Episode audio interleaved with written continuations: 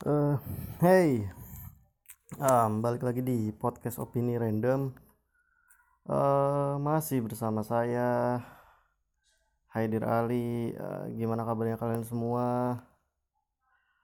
Eh, eh, uh, let me start this episode with one question gitu. Eh, have you seen the Boy series? Ah, man, kalau lu belum nonton, eh gue saranin lu harus nonton secepatnya gue uh, rekomendasiin lu buat nonton series ini secepatnya immediately uh, as soon as possible gitu uh,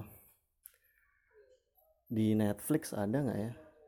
Uh, gue nggak tahu sih kayaknya sih nggak ada ya. Uh, gue juga nonton di situs bajakan soalnya hey don't judge me man. Gue masih mahasiswa gitu. Ya kayaknya sih nggak ada di Netflix uh, tapi channel originalnya itu Amazon Prime ya uh, gue sih rekomendasiin kalian buat nonton itu sih karena anjing. Man it's one of the best series I've ever seen gitu. Uh, premis di sini itu tuh gila banget gitu. Jadi uh, The Boys itu adalah series adaptasi dari komik Vault. Gue juga nggak ngikutin komiknya. Gue juga baru tahu ada komik itu setelah gue nonton ini gitu. Uh, jadi jadi di uh, premis di series ini tuh adalah uh, eh, gue suka gimana mereka ngebangun universe-nya cerita ini sih. Ya jadi premisnya adalah uh, ada keadaan di mana di dunia mereka di universe mereka itu uh, superhero or at least manusia super lah. Itu udah terlalu banyak jumlahnya dan di situ semua yang berbau soal superhero itu udah jadi uh, komoditas bisnis gitu mulai dari uh, pencitraan superhero-nya, uh, merchandise, uh, lomba balap lari superhero. Ya pokoknya semua yang superhero lakuin di situ tuh uh, bisnis oriented gitu. Dan mereka diatur sama perusahaan gitu. Bukan milik pemerintah tapi milik swasta namanya uh, Ford Industries ya kayaknya. Ford Ford Industries atau Ford Company gitu. Nah di Ford Industries ini mereka kayak perusahaan superhero terbesar di sana. Dan mereka punya kayak grup superhero terbesar dan uh, paling terkenal di sana gitu. Ya semacam kayak Avengers atau Justice League-nya lah. Itu tuh namanya uh, kelompoknya namanya The Seven ada tujuh orang gitu dan mereka diatur sama Ford Industries itu gitu. Jadi uh, yang bikin menarik dari cerita atau premis ini adalah uh, dunia yang ada superhero nya itu kan uh, salah satu mimpi terbesar umat manusia gitu ya. Salah satu utopia terbesar manusia selama ini kan maksudnya bahwa kalau ada superhero di dunia ini uh, the world will be safe dan ya no more crimes, no more violence and ya no more bad guys gitu. Uh, tapi semua itu tuh jadi bikin uh, sebuah ironi dan paradoks gitu bahwa enggak lagi men utopia yang selama ini kita semua idamkan tuh ya bakalan jadi distopia men By the way, utopia utopia itu adalah uh, konsep keadaan di mana dunia itu kayak surga, kayak kayak konsep surga di bumi lah, bahwa semuanya itu akan uh, ideal, nilai-nilainya akan ideal, akan nyaman, damai, tentram ya gitu-gitulah. Nah, kalau distopia itu ya sebaliknya bahwa keadaan dunia itu bakalan hancur dan uh, setengah kiamat akibat uh, konsep utopia yang sudah mulai rusak dan usang dan dan dan dunia bakalan berproses untuk restore gitu dan dan move ke konsep baru yang lain gitu. Uh, banyak kok referensi film-film utopia gitu uh, kayak kayak Tomorrowland tuh kayaknya utopia gitu film utopia. Terus kalau distopianya ya lebih lebih banyak sih uh, kayak uh, Walking Dead Maze Runner, Hunger Games kayaknya juga. Terus Ready Player One juga kayaknya uh, distopia ya. Ya gitu gitulah nyampe mana tadi anjing?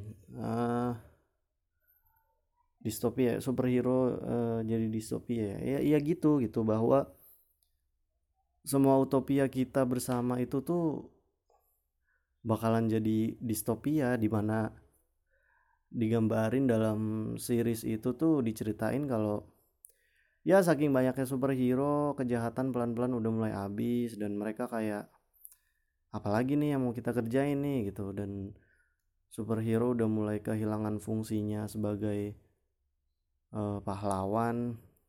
Bahkan pas kemunculan mereka pun polisi udah nggak ada kayak nggak ada gunanya buat uh, merangin kejahatan gitu. Akibat uh, dari semua itu ya para superhero tuh ini jadi singkat cerita jadi korup uh, mereka jadi uh, semena-mena sama orang dan nggak segan-segan membunuh atau menyakiti orang-orang untuk kepentingan pribadi mereka. Dan itu semua tuh ditutupin sama media dan perusahaan mereka gitu for the sake of their image uh, as a superheroes gitu. Bahkan kalau mereka nyelamatin orang pun mereka harus tanya namanya uh, orang yang mereka selamatin gitu.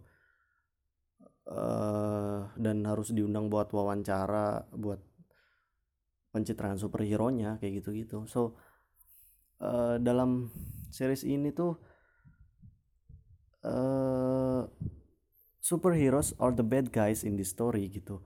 Dan ada salah satu ada salah satu komplotan gitu ya. The Boys tuh kalau ditranslate di bajakannya tuh artinya di situ komplotan gue gue nggak tahu resminya gitu apa bukan gitu tapi ya gitu The Boys itu ada ya komplotan. Jadi ada lima orang. Li, ah ya lima orang empat cowok satu cewek. Dan mereka tuh kayak udah muak gitu sama kelakuan para superhero yang korup ini ya mereka tuh mau berontak dari keadaan itu dan mau mau fight back aja gitu. Dan anjing ini tuh ceritanya edan gitu. Menurut gue tuh ini tuh cerita yang baru yang yang fresh dalam genre superhero di mana ada ada sisi perspektif lain yang di spot gitu. Kalau selama ini perspektifnya tuh superhero tuh idaman bagi semua orang yang di spot tuh cuma dari perspektifnya superhero nya aja gitu. Nah tapi di series ini tuh kayak ngebuka perspektif lain gitu bahwa nih coba lu lihat deh dari kacamata sini gitu. Kacamata yang lain kacamata yang bukan superhero nya gitu. Dari cerita ini tuh gue jadi mikir kayak uh, anjing bener juga ya bahwa nggak selamanya yang kita anggap ideal untuk dunia ini tuh bakalan berjalan dengan baik dan benar gitu. Kayak ya oke okay lah kalau kita punya pahlawan super buat basmi kejahatan. Tapi kalau kejahatannya udah habis tuh ya lu mau ngapain lagi gitu? Uh, apa tujuan barunya gitu? Apa konsep barunya? Yang mau dibangun tuh apa gitu?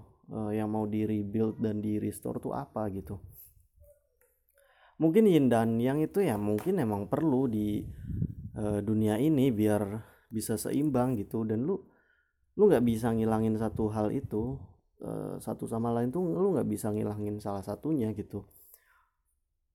Lu nggak bisa ngilangin semua kejahatan lu juga nggak bisa ngilangin semua kebaikannya gitu. Uh, kayak ya udahlah semuanya tuh emang udah diaturnya kayak gitu gitu ya gitulah. Gue sih nggak sabar ya nungguin uh, season 2 nya gitu. Karena season satunya udah habis dan cuma ada berapa episode doang kemarin 8 apa 10 gitu. Gue lupa. Uh, anjing baru 10 menit lagi. Apa lagi ya? Oh ya si uh, series ini tuh ngingetin gue sama ini tau gak sih lu uh, film film Watchmen. Wah lu juga harus nonton itu sih. Watchmen tuh filmnya Zack Snyder yang rilis tahun 2010 ya kayaknya. Itu juga wah gila sih. It's a fucking masterpiece from Zack Snyder gitu. Uh, filmnya itu tiga jam dan awalnya tuh bikin boring tapi lama-lama tuh lu jadi kayak mind blowing gitu kayak anjing kok bisa ya? Anjing bener bener juga ya kayak gitu gitu ya at least itu yang gua rasain ya. Jadi jadi setting film Watchmen itu di tahun 1980-an gitu di mana masih dalam periode perang dingin antara US sama uh, Soviet dan Watchmen itu adalah sekelompok superhero yang ada pada zaman itu dan uh, eksistensi mereka itu diperalat sama bukan diperalat ya dimanfaatkan sama pemerintah US yang waktu itu tuh presidennya masih uh, siapa ya Richard Nixon. Even presidennya pun pakai karakter beneran bukan karakter fiksi di film itu gitu. Uh, mereka mereka di pakai pemerintah US si Watchmen ini ya. Mereka dipakai pemerintah US buat uh, dikirim perang-perang gitu. Perang Vietnam mereka kirim Watchmen bukan kirim Rambo lagi. Jadi US dengan gampangnya menangin perang di mana-mana gitu uh, nah terus tiba saatnya mereka tuh lagi bersih tegang dan perang dingin sama Soviet. Nah di Watchmen itu kan ada yang namanya superhero namanya Dr. Manhattan ya. Dia tuh kayak kayak superhero yang kekuatannya itu godlike gitu. Kekuatannya itu udah kayak Tuhan. Dia bisa jadi apa aja ngelakuin apa aja. Uh, even ada statement di film itu yang bilang uh, God is exist and he's American gitu Tuhan Tuhan ada dan dia tuh orang Amerika loh gitu dan ya itu nge-refer ke Dr. Manhattan gitu dan si Dr. Manhattan itu jadi senjata andalan satu-satunya US buat uh, menghadapi perang dingin ini so anytime Soviet bakalan ngeluncurin nuklirnya ke US ya si Manhattan ini ya dengan gampangnya bakalan uh, pentalin atau bahkan balikin nuklir itu ke Soviet gitu. Uh, which is itu jadi salah satu alasan kenapa Soviet nggak berani nyerang US duluan gitu. Uh, apalagi ya? Yes, US pun nggak mau untuk nyerang duluan karena mereka juga punya regulasinya sendiri di dalam negeri buat buat uh, di shutdown ditiadakan aktivitas-aktivitas superhero nya jadi ada ceritanya kayak pas di tengah-tengah tahun di tengah-tengah tahun uh, mereka beraksi si Watchmen ini beraksi tuh kayak ada desakan-desakan dan demo dari masyarakat gitu buat pemerintah untuk uh, buat nge-shutdown semua aktivitas superhero nya karena dianggap ya sama kayak The Boys God tadi gitu uh, kayak karena dianggap udah semena-mena dan udah korup dan mulai menghilangkan fungsi polisi yang sebenarnya gitu. Uh, apa lagi ya? Singkatnya tuh mereka si superhero tuh uh, si Watchmen ini tuh lagi ada di kondisi vakum selama beberapa tahun dan mereka mulai kembali ke kehidupan mereka masing-masing. Ada yang jadi artis ada yang mengidap PTSD uh, segala macem lah. Sampai ada masanya tuh US sama Soviet itu level bersih tegangnya udah mulai uh, di puncak gitu dan US ini siap nih buat ngirim nuklir ke Soviet gitu terus akhirnya di Watchmen tuh ada kayak orang paling pinter gitu dia superhero juga dan dia dia ngefitnah si yang punya godlike power tadi si Dr. Manhattan itu difitnah bahwa katanya bahwa siapa pun yang ada di dekat Manhattan itu bisa kena cancer disease uh, terus puncak fitnahnya itu karena si Manhattan sedih karena dia uh, difitnah. Menjadi penyebab cancer Manhattan ini ngeledakin satu kota dan sama penduduknya tuh mati semua gara-gara ulah dia gitu. Padahal enggak dia cuma difitnah dan uh, itu sih superhero yang yang pinter itu gue lupa namanya. Aduh siapa ya yang pinter ini tuh sengaja buat ngeledakin satu kota gitu sengaja buat ngefitnah dokter Manhattan. Ya tujuannya tuh buat nyatuin lagi US sama Soviet biar dua negara ini tuh bisa berdamai dan perang dingin bisa berakhir karena sekarang mereka punya musuh yang sama. Dan which is bener gitu mereka akhirnya bisa berdamai dan mereka uh, kayak mengumumkan bahwa musuh bersama mereka sekarang adalah Dr. Manhattan gitu. Anjing itu keren banget sih menurut gue main blowing banget gitu dan bikin gue mikir ah, uh, anjing bener juga ya maksudnya. Kalau lu mau damai dan nyatuin dua kutub yang berlawanan tuh ya lu harus punya common enemy dulu biar bisa satu tujuan gitu dan memerangi musuh yang sama gitu dan ada yang harus dikorbankan gitu for the sake of world peace gitu. Uh, even film John Wick yang ketiga pun juga ada nilai-nilai itu kan bahwa ya kalau lu mau perdamaian ya lu harus perang dulu gitu. Harus ada sesuatu yang dikorbanin. Uh, lu kira judul judul John Wick Parabellum itu tuh indie ya? Enggak. Enggak men. Civis pacem parabellum itu kan peribahasa Latin ya. Gue lupa Latin apa Yunani gitu. Pokoknya artinya ya if you want peace prepare for war gitu. Dan ya kalau lu mau damai ya lu siap-siap aja buat perang gitu itu yang dilakuin sama John Wick kan di situ ya.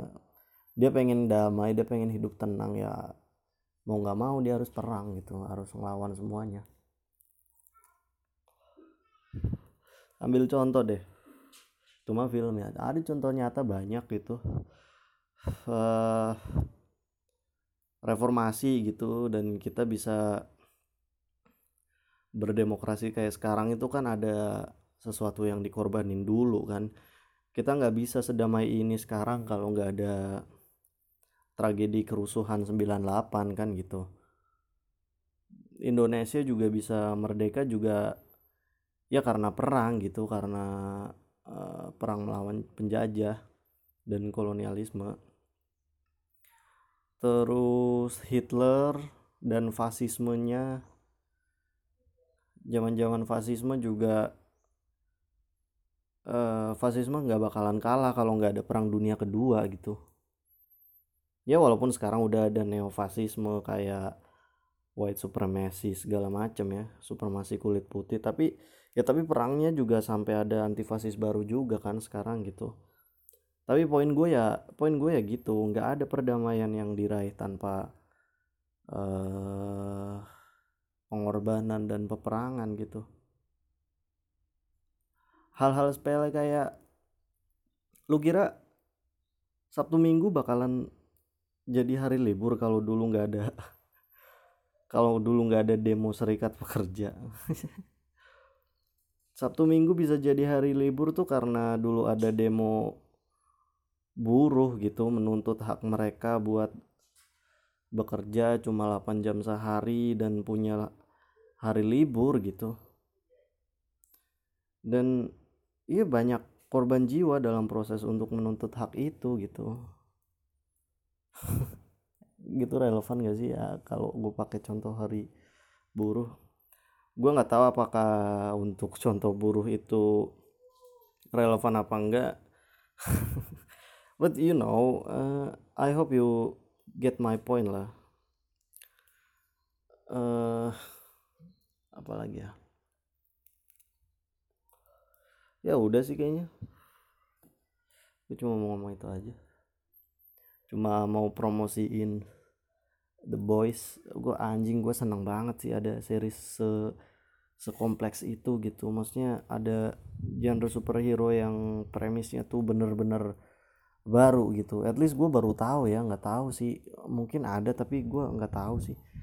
Uh, sama Watchmen juga lu harus nonton sih. Oh ya film Watchmen tuh bakalan diangkat jadi series by the way. Uh, dia tayang Oktober ini kalau nggak salah di channel HBO dan denger-denger season satunya sih bakalan ngangkat tema besarnya itu white supremacy gitu supremasi kulit putih di Amerika yang belakangan ini ya lagi jadi isu seksi kan di dunia gitu which is by info ini kayaknya seriesnya tuh bakalan settingnya di tahun-tahun sekarang ya. Nggak kayak filmnya yang latarnya tahun 90-an gitu. Uh, apa lagi ya? Ya udahlah kayaknya. Anjing 20 menit. 20 menit doang gue ngomong panjang lebar bangsat. Yaudah lah uh, udah gitu aja have a nice day. Bye